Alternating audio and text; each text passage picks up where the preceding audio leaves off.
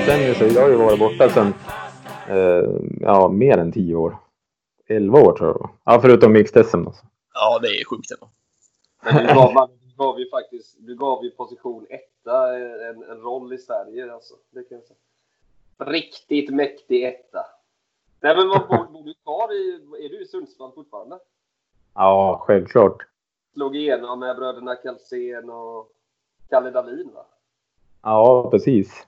Och sen blev det väl Ibus som var kanske i modern tid. Ja, exakt. Och Eh, sen, eh, sen blev det inte mycket mer, av. Bra hyllning, Spiken. Bra hyllning. Ja, men vi är lågmälda. han var, han var inte bättre så. Det var därför han spelade etta. Nej, men det var ju länge Nej, men väl- jag kommer ihåg. Alltså, jag spelade, jag, Nej, men man kan säga så här, alltså, när, alltså, det var ju ni som skulle ta över efter eh, lag Peja, så var det ju. ja, ja det- kanske bland annat. Ja, kanske bland annat då. Som det, Ni som, var, ju det som, mest lovande, ni var ju det mest lovande laget. Och alla spelare var ju de mest lovande på sin position. Det var ju ingen snack. nej, så kanske det var just då i alla fall. Men vi hade ju ett gäng då som eh, liksom i elitserien som ändå har bra klass. Speciellt de, eh, de som jag kommer ihåg då var ju eh, exceptionellt bra. Alltså bland, bland de sista säsongerna där. Då hade man ändå fått ett bra uppsving där på eh, elitserien, elitserien. Speciellt för damer. Och man hade eh, fått ihop, eh, eh, jag tror det var en division 1-serie. Jag vet inte hur det ser ut idag med damerna på division 1. Nej, det- Ja, det finns... Det var... Eh, eh, Jag blandade ihop med vad SM-kval eller elitseriekval. Men det var ju att det var två platser ledigt och tre lag, typ. Så att, nej, det var inget... Det var inget tal om att det var division 1. Det var det inte.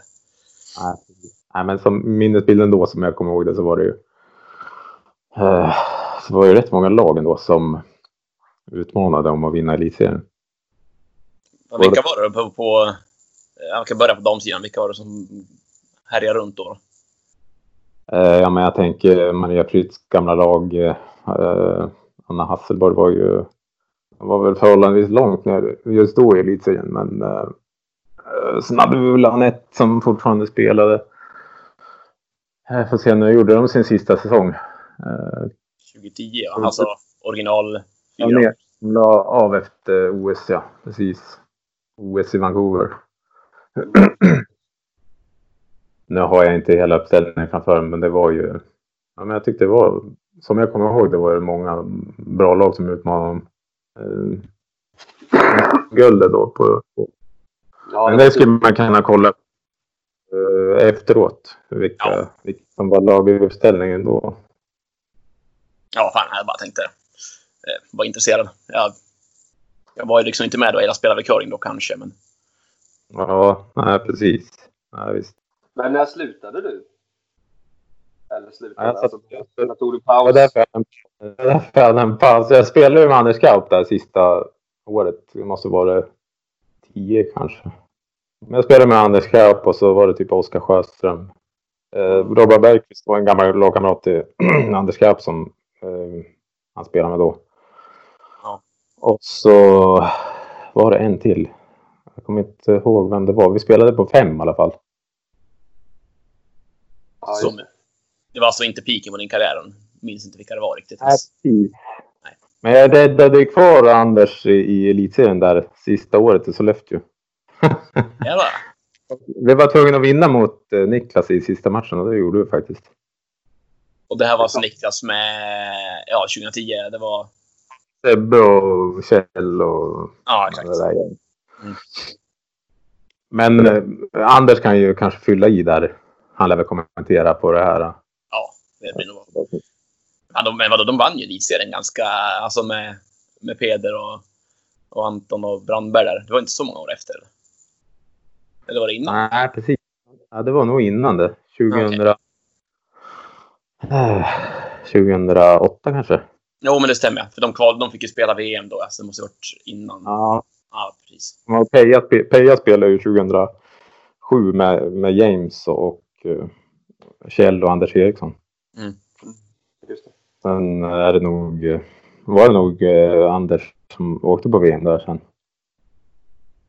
Ja, det var en jävla skräll. Jag kommer inte ihåg vilken de mötte i finalen faktiskt. Jag tror att det faktiskt var Per Norén. Bröderna, eh, bröderna Hallström. Ja, och Andy va? De där, de här liksom eh, statistiken och lagen och historien, då har man liksom glömt bort lite grann. Ja. Där satt ju som ett rinnande vatten förut. Ja, du vet, det var ju som, som din gamla lagkamrat Mackan och Hasselborg när man snackade med honom. Han, Ja. han har ju fortfarande kvar där. Jag minns jag förhörde honom på resultat i elitserien på här, ja, men typ 2005. Han kunde liksom han kunde typ alla lagen varje år nästan. Och vilka som vann vilken match och hur han avgjorde den här matchen och så. Ja, men han hade väl någon form av curling-autism redan när han var mindre. Alltså att han satt och kolla eh, alltså svensk curling, tidningen då sen genom alla år. Jag tror han hade alla nummer av svenska curling. Och Mackan är ju otroligt. Jag pratade faktiskt med han på Messenger här för några, inte så länge sedan. Eh, han eh, visade upp en gammal jacka som vi hade fått av Arnold Asham i Ja, när vi var i Kanada och spelade. Han la väl ut en bild på den också, gjorde han inte? Den som var den här... Ja, Som Amanda ja, säger, hans största plagg han äger. Ja visst. Så jag tänkte, fan jag har ju kvar den där jäveln. Ja. Nisse, Nisse hade ju också det. Jag vet inte om den frågade Niklas om han hade kvar den, men det lär han väl ha. Ja, sen började vi prata lite minnen och sånt där. Det var ju... Nej, men man, man saknar ju curling på, på så sätt att man har ju många, många bra minnen. Faktiskt. Men hur gick det? Varför försvann det då? Det har ju då... Alltså jag vet Nisse och Erik höll ju på. De fortsatte ju efter där ändå. Några år liksom. Ja, precis. Ja, de, ja, de gick ju och vann där. jag var nere och kollade på dem när de spelade VM med Cortina där 2010. Ja, det var första gången jag träffade dig tror jag. Eller visste Ja. Ja, var du där också? ja, jag var ju bara en liten, liten skit då. Liksom. Ja, för jag kommer ihåg att Hans var med, men undrar om vi bodde... Vi hyrde ett stort hus där lite utanför eh, Cortina.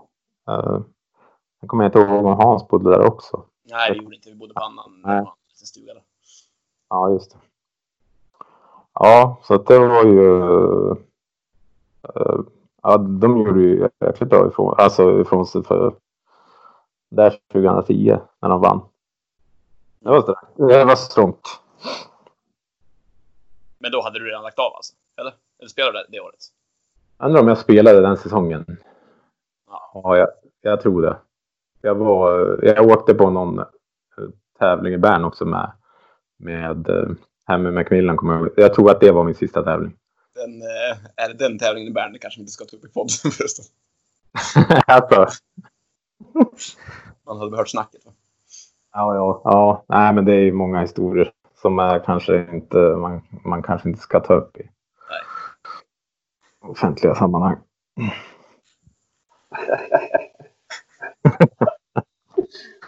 Även de här, även de här bumpyresorna Johan. Det var väl Herregud. Nej, du. Vi, kan skriva en hel bok tror jag om det. Ja, eller hur? Ja, det, det borde vi ta. Det borde vi dra på någon, någon eh, tävling framöver. Vi försökte, Nisse och jag försökte faktiskt att ta oss iväg på Mixed SM eh, som gick i Östersund igen. Så vi tänkte, Ja. gud vad bra. Då åka upp Ja. igen en gång till. Ja, Då kom corona emellan då. Ja. Nej, men vi får, om det, blir, om det inte drar över, klart vi måste dra en tävling. Alltså. Är inga- Absolut. Jag kommer ihåg Rosander mötte upp och Alex och Ja, vi åkte, vi ägde ju hela den bussen varje gång. Vi tog över hela bussen. Det var ju katastrof. Ja, det var Och ju Vic- ja, Viktor var väl där då. Ja, Viktor var ju med. Det var när han jobbade nere på varvet kommer jag ihåg. Nu vet Ja. jag inte var. Ja, han är kvar i hamnen. Vad sa du? Ja, han är kvar i hamnen. Jaha, nej. Alltså, han Jag har lite- glömma han gjort Vad sa du? Jag har fått för mig att han pluggade till någon, någonting sen. Ja, han, han har gjort mycket mellan där. Han, han var inte där på sju, åtta år i alla fall. Nej, just det. Nu är han tillbaka, fast nu är det mer kontorstjänst. Så. Ja, just det. Precis. Ja, jävla trevlig kille och trevligt gäng vi var då faktiskt. Ja, det var trevligt. Ja, nej, men vad är du kvar? Du bor i Sundsvall, eller? Ja, precis. Man har inte rört på sig än och jag tror väl kanske inte man kommer göra det eller? Börjar jag misstänka i alla fall. Men du slutade för att motivationen, tror jag. Eller? eller har vi kommit fram till det? Ja, men, nej, men alltså. det lär vi väl landa in på, men det är väl lika bra att dra det på en gång. Det var väl eh, med eh, efter alltså förbundsmöte 2010 där man kände att äh, men det är väl eh, efter det här kanske det inte är värt att fortsätta liksom. Inte för att säga motivationen kanske utan mest eh, jag vet inte, present, pre, ja, principsaker. Nej, jag, vet, jag, vet, jag vet inte. Dock så hade man ju spelat ganska länge och man hade rest mycket och sådär. Så kanske det var en kombination också. Jag vet inte. Får recappa för alla som inte var med då, eller som inte vet vad det var som... Ja, men precis. När jag, när, efter, jag lyssnade ju lite grann på er podd, så efter förra avsnittet så ja, men drog ni det där på att med mixdubbel och det var liksom som historien kom tillbaka lite grann.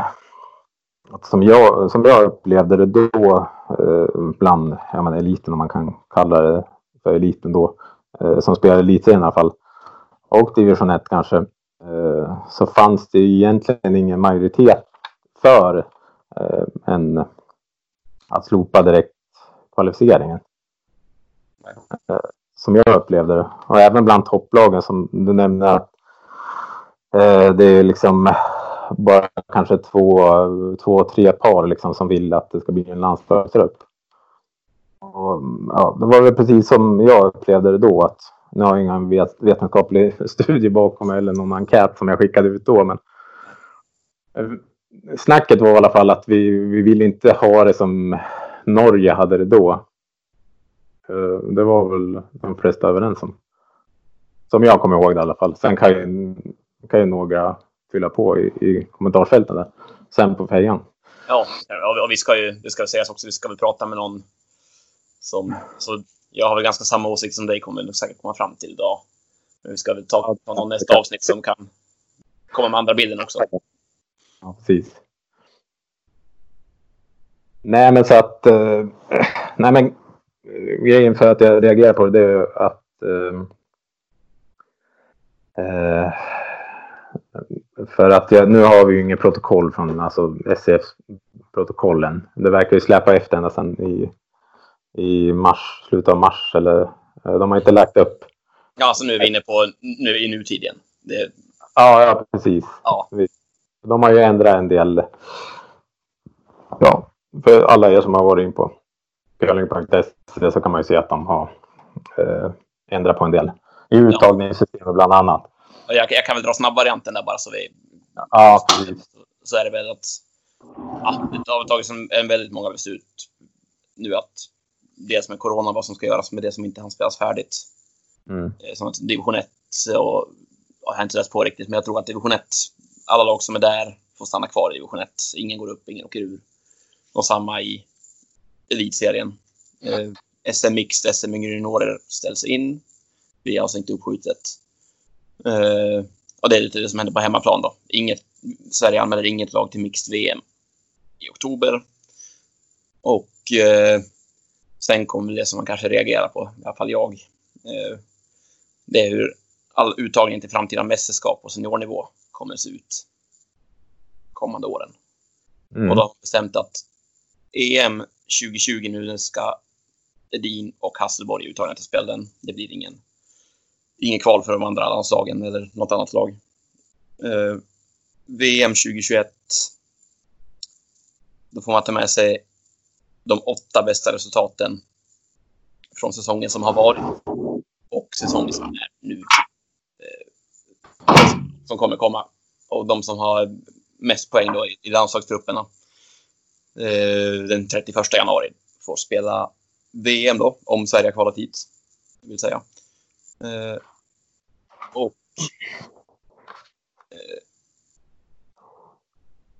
sen har vi i, nej, VM, e, en EM 20, vad blir det, 21. Det tillfaller OS-lagen också om de ska spela OS. Och så VM 2022. Om något lag i år slutar topp 12 på världsrankingen. Eh, som är i landslagstruppen alltså. Eh, och, och inte blir uttagna till OS vill säga. Så säg att Elina Hasselborg, som det med stor sannolikhet kommer bli, blir uttagna till OS. Så har de andra laget chansen om, om de kommer topp 12 eller bättre på världsrankingen i år. Får de spela VM året efter. Eh, och annars är det, om ingen gör det så är säsongen efter det laget som med de fem bästa resultaten fram till något datum som får spela VM. Eh, så är det. Och sen har vi mixdubben som ja, det är dolda, av någon anledning är det dolda kriterier. Jag vet faktiskt inte varför. Så får man inte veta vad kriterierna är, men det är inte längre direkt kval i alla fall. Vinnaren av SM får inte spela VM längre, utan det är förbundskapten och sportchef som nominerar lagen Mm. till SCFs styrelse. Och då undrar jag, alltså spontant, eh, tanken var ju om det var ett rent styrelsebeslut eller om eh, på, alltså på förbundsmötet eh, 2010 så då besvärade man sig i alla fall med att och, och, eh, skicka ut eh, skicka ut det på remiss, alltså förslag från eh, Stefan Hasselborg på lagen, alltså eh, till eh, alla distrikten och, och de fick gå igenom och säga eh, vad de tyckte då. Mm. Men jag vet inte om det har blivit så eh, den här gången. Men Nej, det, alltså jag kan inte svära på. Jag har inte, sitter inte i någon styrelse så, men jag har ju hört med de som är i Gävle-Dala. De verkar inte ha fått den då. nej, det- precis. Det är väl enda info jag har. Ja, jag har också hört att det inte har gått ut på remissen. Så att, då är det ju lite dåligt i så fall. Ja, Ja. kan man ju tycka. Ja, jag tycker... Jag håller med. Även var... Alltså det är väl inte olagligt att ta sådana beslut. Man får väl ta dem, antar jag, i styrelsen. Men man kan ju ändå... En fråga är, fanns det någon viss alltså, typ av deadline? För att det här känns ju som att de, att de ah, men nu, nu sammanställer vi styrelsemöte väldigt snabbt för vi måste komma ut med besked nu. Känns det som ju. Det där. Och då undrar man vad är den deadlinen i så fall? För det är ju väldigt... Eh, vet ni om det har funnits någon sån deadline? Alltså jag menar nu om de nu inte har frågat eh, distrikten. Ja. Så måste det ju bero på att de inte har haft tid till det. Eller? Ja, lite liksom i, coronatider så här att man menar, att man först eh, går ut och bestämmer någonting sånt där när man inte ens vet hur nästa säsong kommer se ut. Jag vet inte, kommer ens, eh, när kommer man kunna spela curling igen till exempel? alltså det står ju i och för sig. Det står ju att de, det här kan komma att ändras. Ja, jo, precis. Men Ja. att det kommer ut överhuvudtaget känns det lite... Ja, det känns ju lite konstigt kanske. Ja. Jag antar att det måste vara, alltså besluten måste vara tagna för att få säkra OS-platser. Alltså att det är därför de känner att det är bråttom. Ja, precis. Kan inte vara någon anledning, tänker jag. Det Nej, känns som enda anledningen egentligen. sen, sen kanske, ja, man kanske kan fylla på kommentatorsfältet där också. För det är ju styrelsemedlemmar som har varit inne och kommenterat förut. Så det kanske någon kan göra. Jag vet inte vilka som sitter längre. Men Nej, som sagt, vi kommer på att vi skulle, att vi lär snacka med någon i styrelsen om det här också. Bjuda in i alla fall. Mm, precis. Men om vi, bara ska, om, vi bara, om, vi, vi, om vi bara ska spesa upp det lite konkret. Om vi, den där första division, att, division 1 och elitserien, att den blir oförändrad. Inga upp, inga ner. Mm. Vad, vad, hur påverkar det? Det står ingenting om division 2, division 3, division 4 och sånt eller? Nej, det är inte förbundsserier då, så att de, Nej, utan det får distrikten själva avgöra då. ja, Ja. Men den är väl, den är väl, det är ju, det, de har ju följt hockeyn där. va? Det är väl inget att säga till om där egentligen. Det är väl ganska, det är ju så det får bli. ja alltså det, det går inte att lösa helt rättvist. Nej, nej. Utan det är ju som det. Och nästa var, det, man, vi tar inte ut något mixed double-lag. Det är ju för att vi vet ju inte om det kommer spelas något VM, antar jag. Eh, ja, men VM, eh, mix dubbel-VM nu är inställt, det som skulle varit. Ja. Jo, men man Nästa hade år, kanske kunnat nästa år fixa- kommer man ta... Nästa år kommer man plocka då till VM. Från eh, en... En enkelt. eventuell landslagstrupp då. Det, det, det där körde, körde de väl eh, första säsongen, kommer jag ihåg. Man hade väl eh, mixed double SM i, var det Gävle eller någonting sådär med en jäkla massa lag. Sen skulle man införa eh, mixed eh, elitserien eller så året efter tror jag. Och då var det liksom eh, ja, men kriterier på eh, seriositet. Att man skulle träna sig så my- mycket som jag förstått det. Mm. Eh, och så direkt svalnade ju intresset liksom säsongen efter. Att, eh, jag vet inte om man, om man ser någon typ av eh, samband med det där. Alltså jag tror det här gjordes ju ganska nyligen också igen inför något. Ja, men jag tänker bara det att man har gjort det här. Man har gjort den här resan två gånger förut. Ja. Dels med Mixed Double SM, eller Elitserien som, ja men det var väl en fyra, fem lag som var med där. och sen, eh, eh, ja men dam och, herr då som 2010. Eh, Det är liksom, och herr kan man ju gagga på om liksom hur länge som helst. Och man kommer ju aldrig fram till någonting. Eh, Nej. Det finns väl två läger och något mittemellan som tycker att man kan kompromissa åt, åt båda hållen. Sådär. Men eh, generellt så ver- det verkar ju finnas en majoritet för att liksom, dam och herr ska spela som det gör med uttagning. Eller? Ja, i alla fall i beslutsfattande. Jag är ju inte, jag är inte en av dem så att jag. eh, det finns, jag som sagt jag har inte skickat någon enkät på det. Nej, Men. eh, Eller menar du bland elitlagen liksom? Eller vart? Ja, men hur, hur eh, snacket är bland er som spelar, spelar elitserien till exempel? Ja, jag gör ju inte det heller. Jag, har inte spelat elitserien på tre år nu så jag vet inte hur det där är. Nej. Nej, Eh, men, Men ja, jag har varit med i... Ja. Lagen jag spelar i har väl aldrig tyckt det riktigt. Jag har bra på att argumentera för min sak också, så ja. kanske bara hållit med. Ja, men jag, kommer, jag kommer ihåg för eh, jag begärde ut ett protokoll då från 2010 för att, eh, för att dels se eh, medlemstappet. Många är ju inne på den här linjen att det är naturlig, eh, naturlig sak för curlingen eftersom ja, men, man blir mer stillasittande och sånt där. Jag köper inte riktigt det. Det är ju så procentuellt så är det ju många medlemmar vi har tappat på grund av dels på grund av uttagningssystemet tror jag. Det är jag helt säker på. Men sen att eh, jag tror inte på att eh, alla har börjat med e-sport eller ligger på soffan och liksom. Jag tror.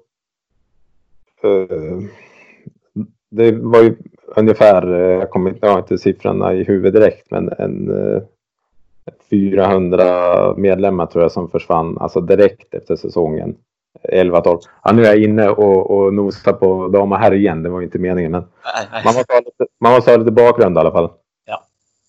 Eh, Det kanske man varför re- reagerar mixed double nu som man kanske fortfarande kan göra någonting åt. det. Menar om det finns en eh, spelarmajoritet mot eh, att man ska ha ett si och så ett visst uttagningssystem Mm.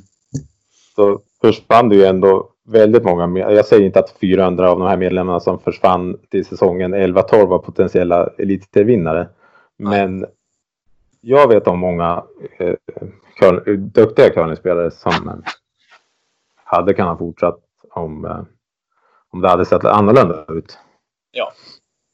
Och som eh, jag tror det var Loket, eh, gammal eh, division 1-veteran här uppe i Västernorrland som, eh, som skrev ett inlägg för eh, det var väl i fjol kanske. Jag menar att eh,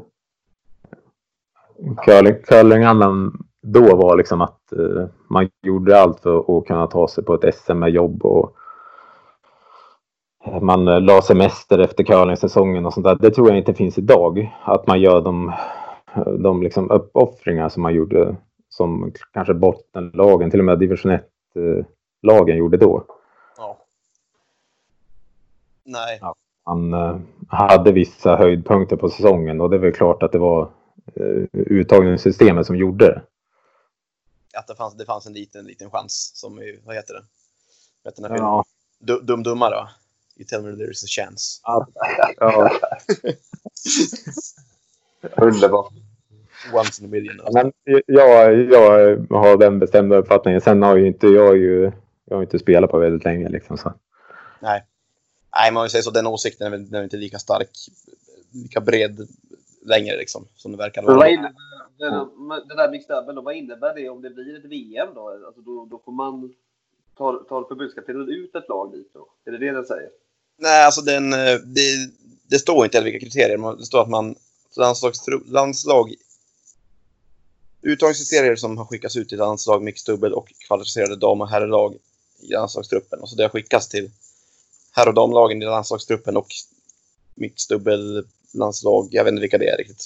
Men Eh, vilka, vilka, vilka är de landslagen? Jag vet inte. Alltså om de menar Alltså om de har skickat ut det här protokollet till? Alltså som... Ja, dam och herr vet jag för det står där. Men Jo, men jag, men jag menar i mixed double. jag, alltså nu ska inte jag, jag är osäker på om det Det får vi väl höra med någon. Men om det finns en trupp för mixdubbel idag med stöd eller om det... Det vet jag faktiskt inte.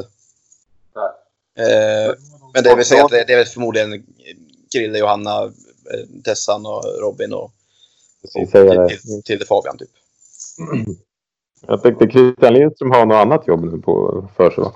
Ja, han- stod, jag har faktiskt inte pratat med honom om det sen han... Han coachar ju Mured nu. Mm. Eh, så ja, det är väl lite oklart hur det är. Mm. Hur det ser ut där. Ja, men det är, ja, det är en parentes för sig. Men, men sen Mm. står det här att, att lagen som uppfyller SCFs kriterier och vill vara en del i uttagningsprocessen ska skicka in sin ansökan senast den första juni. Och det är Mm. de kriterierna vi inte vet vilka det är. Nej, men vänta här. För att få mer information om kriterier och uttagningsprocess, väl en kontakta förbundskapten Alison Kreviasuk. Ja, ja, men Ja, det då, där måste vi höra med dem om, för det känns... då vet vi det i alla fall. Och nästa, nästa var... eh, Vad var nästa? Det var här och dam, va? Det var VM och EM. Mm. Ja, precis. Så det. Så det man kan säga, detta, är, detta blir ju en, en lång förberedelse för OS egentligen. Det kommer vara samma lag på alla tävlingar som i OS. Eh, Ja, det är väl inte helt säkert, men i, Nej, men alltså, i praktiken är det väl bara på de här sidan är det bara lag Pantera som kan utmana eh, om landslagsplatserna. ja, I eller mästerskapsplatserna. ja precis. Är det väl. Men det är ju, det är ju ganska... Alltså med Corona i all ära, det är, det är ju ganska stora beslut ändå. Det är ju ändå två år framöver ju. Ja, det är det jag menar. Det känns ju lite... Det är ju inte alls någon tillfällighetsbeslut utan detta är ju, detta är ju stort. Mm. Och det är Ja, ju men det man... Att, eh, ja, förlåt Jon, men eh, det är det jag menar på att man, man kanske sitter lite mycket, väl mycket i händerna på SOK tänker jag. Det, är väl, det var väl upprinnelsen till de här att uttagningen blev som det blev. Eh, Att SOK tryckte på och sa att ja, men så här kan ni inte ha det. Så att det, är väl säkert, det är väl säkert någonting som har hänt på Mixed Doubles också eftersom man inte spelade OS. Eller man kvalade inte in. Ja, det är lurigt alltså. Men när var det den här kom förresten? Var det, det var förra veckan va? Ja, i torsdags. Har vi hört någonting eller har ni, rykt, har ni, har ni hört något skvaller eller? Alltså jag, jag hade möte med Maria Prytz där på fredagen. Vi skulle möta vårt framtida lag. Mm. Hur de såg på saken. Det var, inbokat innan det där kom. Eh, det blev väl liksom... Ja. Vi pratade inget om mixdubben då. Det hade Nej. inget. Men eh, ja, det blev som en jävla käftsmäll där så blev det lite konstigt. Alltså det var, det var ett bra samtal tycker jag. Vi skillnad på person och sak men vi höll inte med varandra så mycket. Så. Men eh, det är väl det enda där jag pratade och frågade lite om varför de har valt. Och, Mm. eh, varför de har valt att göra det så mycket svårare på, på herr och damsidan, eller herrsidan som gällde oss då. Eftersom för, förra gången, för fyra år sedan, då var det ju, skulle man komma topp 25 då för att få spela eh, VM. Och det var samma säsong som, som alltså VM 2022 då. Ja. Eh, ja, för nu var det topp 12 eller? Vad var det? ja, nu var det topp 12 istället och på totalrankingen. Så att då är det poängen som han tog förra året. Det är stor skillnad det. Ja, när jag gick in och kollade lite på kanske bästa exemplet från hur det varit innan, det var ju Leeds, alltså Oskar Eriksson och dem, innan de stod ihop som Edin. De, de spelade ju... De blev uttagna till VM 2014. Eh, och då, om man tänker samma säsong som motsvarar det som man nu måste komma topp 12, alltså säsongen innan. Då kommer de på plats 28. Och året efter, ja, då hade de inte, med dagens mått, de hade inte blivit uttagna då. Eh, då hade deras sista chans var att få bättre poäng på fem tävlingar än lag Edin då. Eh, år 2000, säsongen 13-14. Och det gjorde de inte heller, men de blev uttagna till VM ändå. Att då var väl tanken att vi ville sprida rutinen lite grann och fokusera på de som inte var... Att OS-laget skulle ha prio på OS. Ja, ja, något sånt. De tog i alla fall VM-silver det året. Eh, och det var, det var det vi pratade om. Vi pratade inte om uttagningssystem i stort och så. Det var liksom inte riktigt läge att göra det. Eh, men Men man kan ju, man kan ju, och man kan ju tänka sig så här att, att vara bättre än lag Hasselborg eller lag Edin om man ser hela, om hela världen skulle konkurrera. Hur många lag blir bättre under fem matcher egentligen? Eller fem tävlingar? Alltså det är, ju o, det är ju nästan orimliga krav, är det inte? ja, jag sa det. Alltså, oavsett hur bra vi är så kommer inte vi komma in på... Om vi vinner varje tävling från och med nu, kanske. Eh, vi kommer in på något sämst och kan få poäng nog. Sådär. Men det blir också en ekonomisk fråga då. Ja, det blir ju, moment, det blir ju liksom moment 22. För att klara av det så måste man ju satsa... Det är ju, ja, det är extrema krav. Ja, jag tyckte det också. Men argumentet var att de inte ville, de ville att de skulle få ha det i sina egna händer. Då. För då är det ju... Slagen, att de inte skulle bli bortplockade från chansen.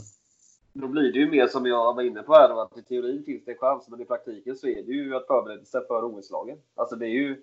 Alla tävlingar blir ju för OS-lagen. Ja, alla de innan, de, de Ja. pratar inte vi om så mycket då, för vårt mål har väl alltid varit VM under OS. Eftersom det har varit samma. Ja, precis. Men det är ju det, det, är det klassiska, liksom, att där får man chansen. Ja, det har varit lite lättare tidigare säsonger, men... Ja, i Ja, efterhand. Vi skulle, vi skulle ha ställt de här frågorna långt innan såklart och veta hur det låg till. Men, men Så har det, så har det väl varit under princip eh, fem års, eh, fem års, fem, sex års tid. Att eh, i princip omöjligt att komma in och, och eh, kvalificera, sig för ett VM. Alltså, jag ser liksom inte själv hur, eh, hur man skulle kunna göra den bedriften. nej. Och det är väl det, alltså det, jag är inte ute efter att man ska ha mindre, att, att vi ska ha 50-50 mot laget i varje gång. Men utan att det bara ska finnas en, en möjlighet för lag som inte är heltidsproffs. Även om chansen ska vara så 10, ens liksom 10 eller 5 procent. Det ska finnas. Jag tycker det blir lite som en... Det blir som en, eh, en mur mellan proffslag och amatörlag. Och det känns som att sporten är, i alla fall min mening, är sporten för liten för att det ska vara rimligt. Och finns pengar. resonerar jag också. Ja. Eftersom om man ska dela upp oss i fack, alltså var- vart, eh, vart landar man själv? Alltså om man ska, jag som klubbkörare till exempel, vart, vart landar jag själv någonstans på den här skalan? Eh, vart landar du Fredrik? Vart är du Johan någonstans på eh, klubbkörare, amatörer, man proffselit? Ja men eh, eh, i så fall måste man, ska man ha så här i framtiden så om man inte ska tappa tusen medlemmar till och, och, och kanske få ännu färre medlemmar till och med. Så ja, men måste man väl eh, eh, Ja men jag vet inte riktigt eh, hur man ska, jag förstår inte riktigt hur man ska vända det här heller. Eh, Nej, inte med... Inte på bre- breddeliten. Alltså du kan väl säkert dra längre växlar bakåt och hur mycket det påverkar neråt i, Ja. i leden. Jag har lite svårare att dra de växlarna liksom. Nu tappar jag spåret på min egen, eh, min egen fråga. Men ehm, Eh, alltså det jag menar var väl att eh, alltså det påverkar ju direkt, man tycker jag man kan tydligt se att det påverkar oss som är under eh, precisa toppen att alltså, motivera oss att hålla på. Det blir svårare och svårare. Nej, precis. Nej, men jag men, det var det jag menade. kan man inte tävla mot liksom om man, om man delar in det i amatör, eh, amatörfacket då, till exempel. Så kan man, kan man inte som elit då se sig själv tävla mot amatörer. Men då, då måste man ju ha ett alternativ för de som spelar strax under. Då måste man ju kanske ha ett uh, amatör-VM eller arrangera någonting för att uh, ja, men, fånga upp de här som inte liksom, duger till till att och, och tävla mot de som är uh, bäst på Europatouren eller världstouren eller Grand Slam eller vad det nu är för någonting. Ja. Ja, precis. Det, det, det vill nog till eh, någon form av amatörmästerskap. Alltså. Jag tror det. För vad Ja, det tror jag också. Om man, om man ska köra på det här spåret. Så. Ja, men om man, typ, om man exempelvis skulle göra så att är det ens möjligt att man, att man, man får bara spela ett av mästerskapen i den säsongen? Nästa, om, om, om ett lag får spela EM, då måste VM eller vice versa gå till ett annat lag.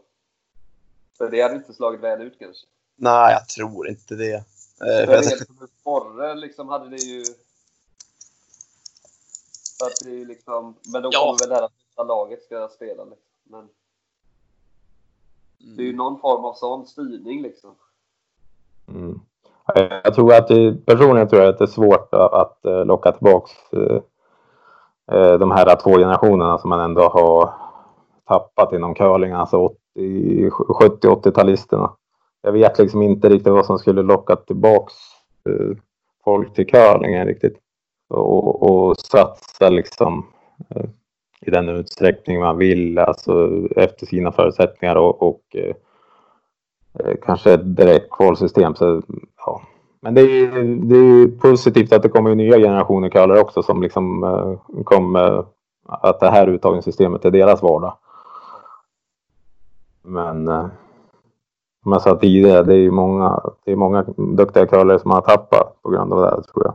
ja, jag, tror det blir svår, jag tror det blir väldigt mycket svårare att hålla samma bredd i hela när det blir...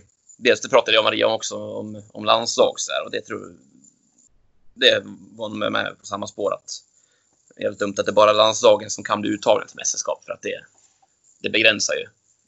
Egentligen Mm. säger man då är det bara tre, år, tre lag per år som har en teoretisk möjlighet. Och så var det ju inte innan 2010. Och det var väl många som... Alltså många, många fler som hade en teoretisk klart, allihopa egentligen. Och, Jo. och många fler som hade en reell chans och därför spelade mer. Men jag tänker, det här måste väl ändå, det här, det här kan ju inte bara vara, det här måste ju vara liknande problem i alla länder. Det, det borde väl kunna gå och, och synka att de lagen som inte får åka på EM och VM, eh, att, att man ordnar en inofficiell. Det borde väl kunna gå. Där har vi ändå en väg. Liksom.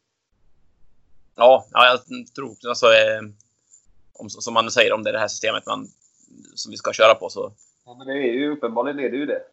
Ja, Ja, precis. det har ja, vi ju liksom pratat om i tio år. Så jag, tror, jag tror inte man kommer någon vart på och här. Men man, just det här med mixed doubles är ju jäkligt intressant eftersom man fortfarande kan kanske göra någonting. Jag vet inte. Jag kunde i alla fall. Ja, det är ett styrelsebeslut. Ja, så, men vet ja, det, kanske, det kanske i och för sig, men är det, det kanske är, alltså om man är ett lag, alla kanske får mejla till förbundskaptenen, det vet vi i och för sig inte. Jo, men det måste man. För alltså, det står att man får skicka det. Ja. Då, har vi fort, då är ju den, då är ju den, den är ju fortfarande räddningen då. Den eh, formen. Mm, men det, det krävs ju fortfarande att det måste vara liksom, att du måste lägga ner massa tid. Och, eller jag vet inte vad, vad kriterierna säger. Ja, för det, det, det OS-laget måste väl komma fram ganska snart också, eller? Ja, minst tio månader innan står det här. OS. Ja. Mm, Ja, nej, det var, det var, det är klart, det var, det var ett stort utskick på ett litet papper som kom. ja, det var mycket på en och samma gång där. Ja. Det ska bli intressant att följa. ja faktiskt. Det, det du så, det? Är det, är det, är det, är det bottenstöten det här? frågar du mig jag Johan? minns att jag var det förra avsnittet jag sa att jag skulle stå mig blodig för att vi skulle ha kvar direktkvalet. Ja. Eller var det förra, förra kanske? är, detta, är detta dödsstöten för curlingen, mannen? Är det det du känner? Nej, det tror jag. Det är väl inte, alltså. eh, Det är väl inte. Vad var det på uh, Mixed Double SM i år? Var, var det 20 par eller? Var det lite färre? Ja, jag tror det var 20, 20 par tror jag var. Om vi var fem. Nej, inte, det tror jag väl inte. Men frågan, var som, frågan är vad som kommer att bli lägsta nivån, alltså på medlemsantalet. Precis eh, som, eh, med det här och, och ja, med coronan och det kommer ju nog slå hårt mot en så pass liten sport som, som curlingen. Att man kan förvänta sig att behålla så många medlemmar efter det här faktiskt. Men eh, det är ju så, som alltid går väl upp och ner såklart. Och som jag sa tidigare så är det ju yngre generationer kommer ju inte titta tillbaks på kanske ja, men som, som jag hade med direktkval och tycka att ja, men en majoritet av dem skulle tycka att det var speciellt bra. Så det är ju det är en ny generation körare som växer upp så det är väl man måste vara kanske lite positiv i det hela. Ja, visst är så. Det... Men det är klart det är ett tufft beslut alltså. Det är ju, man vet ju på något sätt att det är ju liksom det är så här vi tappar medlemmar och det klubbar man igenom. Och väljer man inte ens att liksom prata med distrikten, nu ska jag inte döma ut någon eh, SF-styrelse än liksom innan man... Eh, höra vad de säger. Nej, precis. Så att, eh, jag tycker generellt att distrikt, även fast Inget ont om de som sitter i distrikten, va? men det kanske inte är eh, elitkörare direkt som sitter i styrelserna där runt omkring. Och så kanske inte var för tio år sedan heller, för det var med just den förbundsmotionen som de la fram då. Eh, det blev det liksom inte ens votering över. Och som jag sa tidigare, att vi, jag upplevde att vi hade en majoritet som ville ha kvar direktkval. Och så eh, de enda som hade invändningar då, det var Mälardalen och eh, Gävle-Dala. Och resten, eh, mm, resten hade inga invändningar, så det var ju bara att klubba igenom det. Och jag menar, hade det, eh, hade de här distrikten liksom representerats av eh, elitspelare på den tiden så Ja, tror jag att det hade gått till votering i alla fall. Och det tycker jag det skulle ha gjort den här gången också, för det är ändå eh, man går ju ändå under RF-stadgar också som, som curlingförbundet. Jag tänker på demokrati och, och eh, delaktighet och sånt där. Ja, det, som, det som förvånar lite grann, det är ju, alltså det sitter ju, det är ju att eh, om man nu utifrån corona här, om man lyssnar på Tegnell och myndigheter och så här, de säger att vi måste ta dag för dag. Vi kan inte ta större beslut än så just nu. Och då, det gör mig lite frågande varför man gör det så många år framöver, kan jag tycka. Mm. Man måste ju ha Mm. en tydlig eh, idé med det. Mm. Och det är väl det Ja, som men det är det. Ja, förlåt. Nej, fortsätt. Nej, men det är det jag menar att man, man har ju suttit i händerna på SOK ganska länge. Anser jag att man eh, man har väl liksom i princip sålt ut sig själv lite grann. Och jag vet inte hur mycket liksom, pengar som eh, genereras tillbaka till, till våran sport. Det har jag liksom inga siffror på. Men i medlemsantal så har det ju liksom inte ökat eh, någonting. Och, så, sen vill man skjuta över liksom ansvaret lite grann på, på klubban och säga att ja, men det nu är det ni klubbar som måste ta ansvaret för att ni, vi ska få medlemmar. Och jag menar att eh, eh, som till exempel här i Sundsvall så vet jag om jättemånga som eh, man ställer upp frivilligt eh, fast man kanske inte alltid har tid. Man gör isen innan eh, företagskörning för att man ska eh, man står i kaféet till exempel och, och jag vet liksom inte riktigt vad mer man kan begära från klubbnivå. I alla fall om jag tittar på min klubb så, så, så känner jag liksom vad mer skulle de kunna... Jag är ju tyvärr inte så engagerad men... det är väl det skulle vara kanske. Ja, precis. Nej, men jag vet liksom inte riktigt vad mer som Sundsvall Curling skulle kunna göra för att, att få in med, medlemmar. För det är ju, de gör ju ett jäkla bra jobb där på hallen som de gör idag. Ja. Ja, så det finns säkert där, jag, jag också för dåligt insatt på att veta, det finns säkert saker man kan göra, men jag är också med dig på att det är svårt att säga att det är där hela anledningen ligger. Då. Mm. Och, eh, ja, det blir alltså, ja, nu vill jag återigen måste höra med någon hur mycket SOK-pengarna är värda och hur mycket Mm. det är uppenbart. Vi kan liksom inte bara skita i det. Vi kan inte gå helt Ah, nej, i eliten helt och hållet. Men, men det blir ju väldigt sårbart om vi, som vi man har sett genom väldigt många år, att eliten där bakom blir smalare och smalare.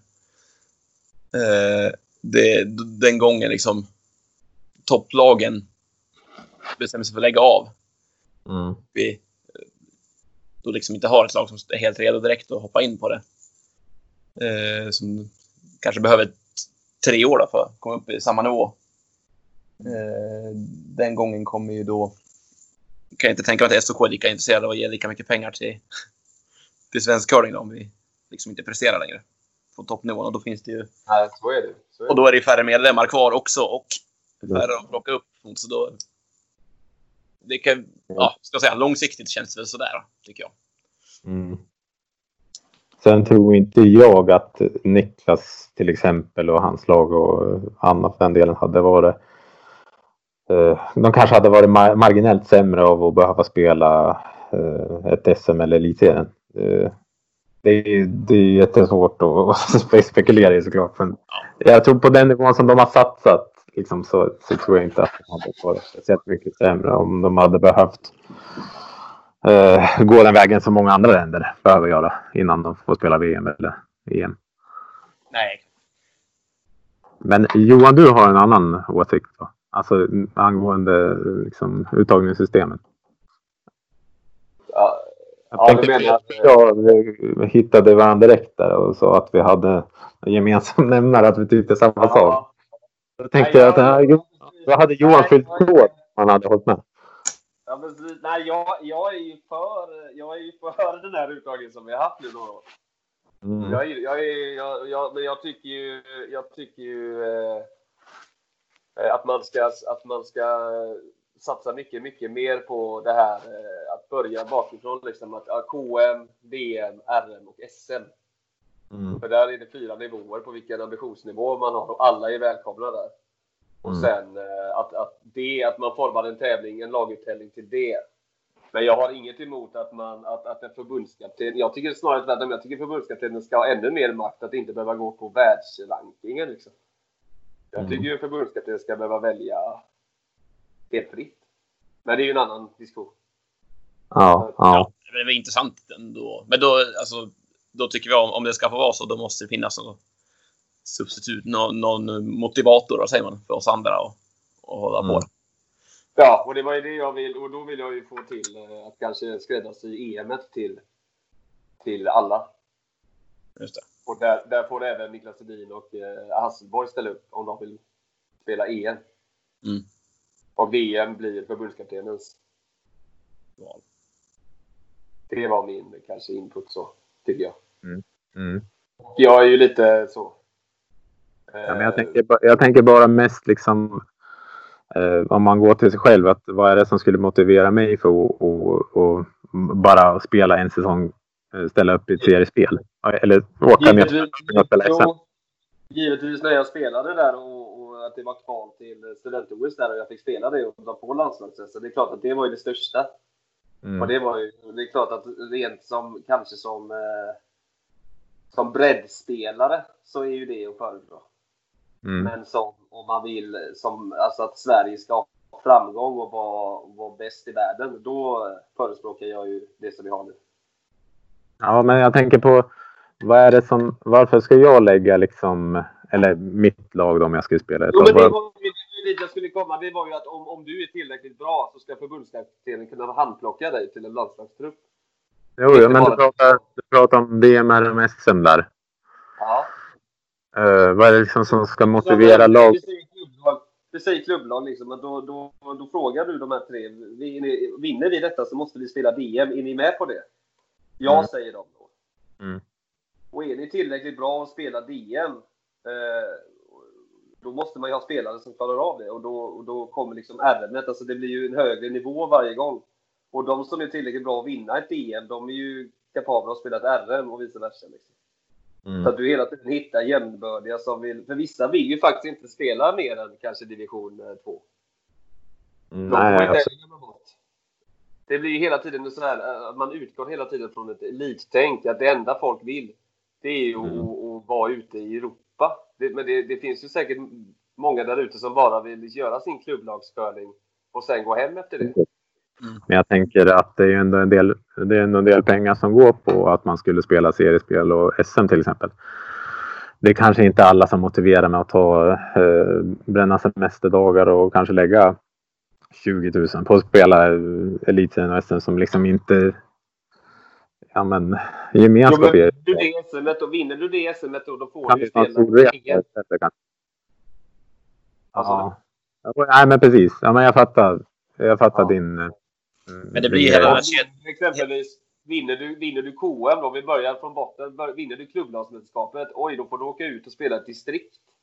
Och vinner du distrikt, då får du liksom spela en region. Det blir, allting blir hela tiden större och större. Och i det här SM då, då är ju alla välkomna. Då är ju även landslagen välkomna. Och de som vinner SM, de blir laget till EM. Jag vill mer åt det hållet. Liksom, att man kan kombinera de bästa av två världar. Mm, ja, ja, men absolut. Men det är väl så med allt. Man måste ju, det måste ju kompromissas på något vis. Och det, Men det blir Ja. faktiskt, Ja, det blir faktiskt lätt att glömma. För hela tiden så resonerar vi utifrån elittänket. Men det finns ju, alltså om vi nu ska prata bredd, vad innebär bredd? Det kanske är att få en riktigt bra klubbmästerskap liksom. mm. Det glöms ju bort och med motivering att varför ska jag spela klubbmästerskap när jag inte får någonting för det? Men jag menar, det är ju inte alla som tänker så. Nej. Ja, men jag, jag gillar det du, säger, det du säger nu Johan, med, med också med EM på det. Ja, och vinner man då SM, alltså kvalificerar man sig i SM, Ja. Där får alla, liksom, då är alla välkomna att vara med där, alltså, och, i och med att man vinner RM då. Och då får man EM som, alltså den är skräddarsydd för vinnaren av SM får spela EM. Mm. Och Du öppnar en, där till det. du öppnar en dörr där på glänt lite till det förflutna. Ja, Ja. precis. Lite, lite nostalgi i det, men jag tror ändå att det då, då, får man, då får man ihop alla världar också. Att, att börja på en fin klubbmiljö. Och vet, allting, om man får en bra klubbmiljö, du vet, du kommer utveckla hur mycket spelare som helst. Man Mm. måste börja där. ja, det tror jag Sen- absolut. Ja. Det var ju bara lite min bild där. Så. Ja, men jag håller, det där håller jag med. Det Jag har, har inget att säga emot alls om det där. Nej, inte jag heller. Jag tycker att eh, det är ju sunt tänk. Ja. Men jag tror kanske inte alla, alla håller med om det. Men, Nej, men det är vi vana vid mannen. Det är vi vana vid. ja, det här nej, var intressant. Det här var spännande, men vi får väl se. Vi får väl eh, får se om vi får någon feedback. Ja, det är Nej, det. men precis. Nej, men det var det jag lyfte förut. Att liksom, eh, vad är det som motiverar lag, eh, motiverar lag till idag? Att eh, ja, men ta semesterdagar och åka ner till Jönköping kanske en tisdag, onsdag. Det bör, SM börjar väl på en onsdag nu va? Ja, exakt. Ja, så att, ja, jag vet inte om det är så många liksom härifrån. Jag vet inte om det var någon från Västernorrland ens som spelade SM. Eller i Ja, jag ska tänka. De drog sig, Östersund drog sig ur i alla fall. Och då, Ja. och, men det är inte Västernorrland. Men fan vilka... Intressant om man glömde bort det nu. Nej, men det, det, det ligger nog mycket i det. Att det är ingen som åker till ett SM nu för att premisserna är som de är. Och det är det, det, är det man kan bygga upp igen i och med den här teorin. Då. Eller ja, det är min teori. Det behöver inte innebära att, den, att någon lyssnar på den. Men Ja, det men- finns ju element. då. Ja, då finns ju chansen spiken också för alla, även om den är minimal, eller egentligen nästan obefintlig, eh, så finns den på riktigt och går, den går att ta på. Men det jag menar då, om, om nu SOK och förbundet är livrädda att fel lag inom situation kommer då. Det, då. det behöver ju inte bli så för att både Hasselborg och Edin, de kommer ju vara i detta SM och spela det här. För de vill också spela EM givetvis. Mm. Ja. Och då, då är Jag det ju menar på-. Ja. Det är det jag menar på. att jag, jag kan inte se att det är någonting som heter fel lag kan åka på EM eller VM. Alltså, Nej det är väl det som är själva hjärtat av idrott. Men titta på om, man, om det är nu fysiken det handlar om eller hur mycket, hur mycket curling man utövar eller hur mycket curling man tittar på. Så, eh, så tycker jag att det finns ju sporter, alltså exempel på sporter där man är mer, mer liksom vältränad som fotboll till exempel. Cuperna ute i Europa, nu är cupen i, i Sverige inte så stor. Men just det här att eh, vilken som helst liksom kan eh, kvala sig in till Europa League till exempel. Ja. Så det finns ju någonting i det där. Absolut. Den där Absolut. drömmen som alltid finns som eh, hoppet, vad ska man säga? Ja, det Det, behöver, någon, det behöver inte vara stort. Det är, mäns, det är en mänsklig natur uppenbarligen att eh, så länge det finns en liten, liten chans så fortsätter man ju kriga på. Då. Ja, precis. Mm. Och, men jag gillar också spiken att du, när du går från KM till DM till RM, eh, då bygger du också upp en naturlig stege för någon som liksom började spela curling förra året som vill avancera. Mm. Och det är väl också jävligt bra. Jag tror det blir en helhet som, som är liksom bättre.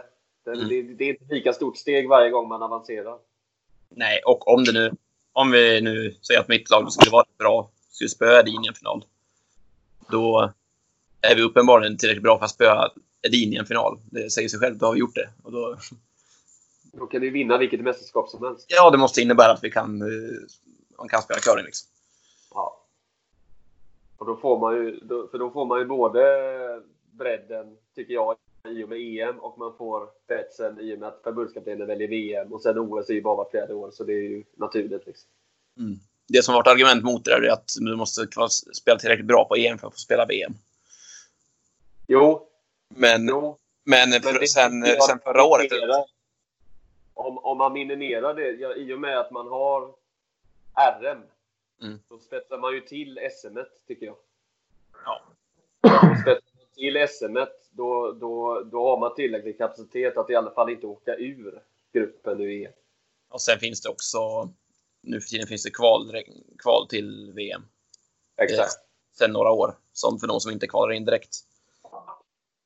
Alltså, jag tycker vi låter ganska unison ändå. Alltså, så börjar man... Vi, vi tog den långa vägen och så blev vi, vi blev sams efter den långa vägen. Vi måste ju ha någon riktig motpol. Alltså, jag tänker någon eh, liksom, från SOKs eh, styrelse, sportkommitté eller sådär. Ja, Glenn Öst är fortfarande kvar. Kasta in honom. Ja, Han var ju där när jag var i, när när vi var i talangprogrammet. Så var nog Ja. han, vad, vad kallar man det? Sport, Sportchef typ eller något. Eller? ja, sportchef då. Ja, det måste man kanske vara. Ja, men det var när när jag, jag var med i det här understeget som hade tagit också, utmanare, och då var han ju där. Det var inte så jävla länge sedan. Ja.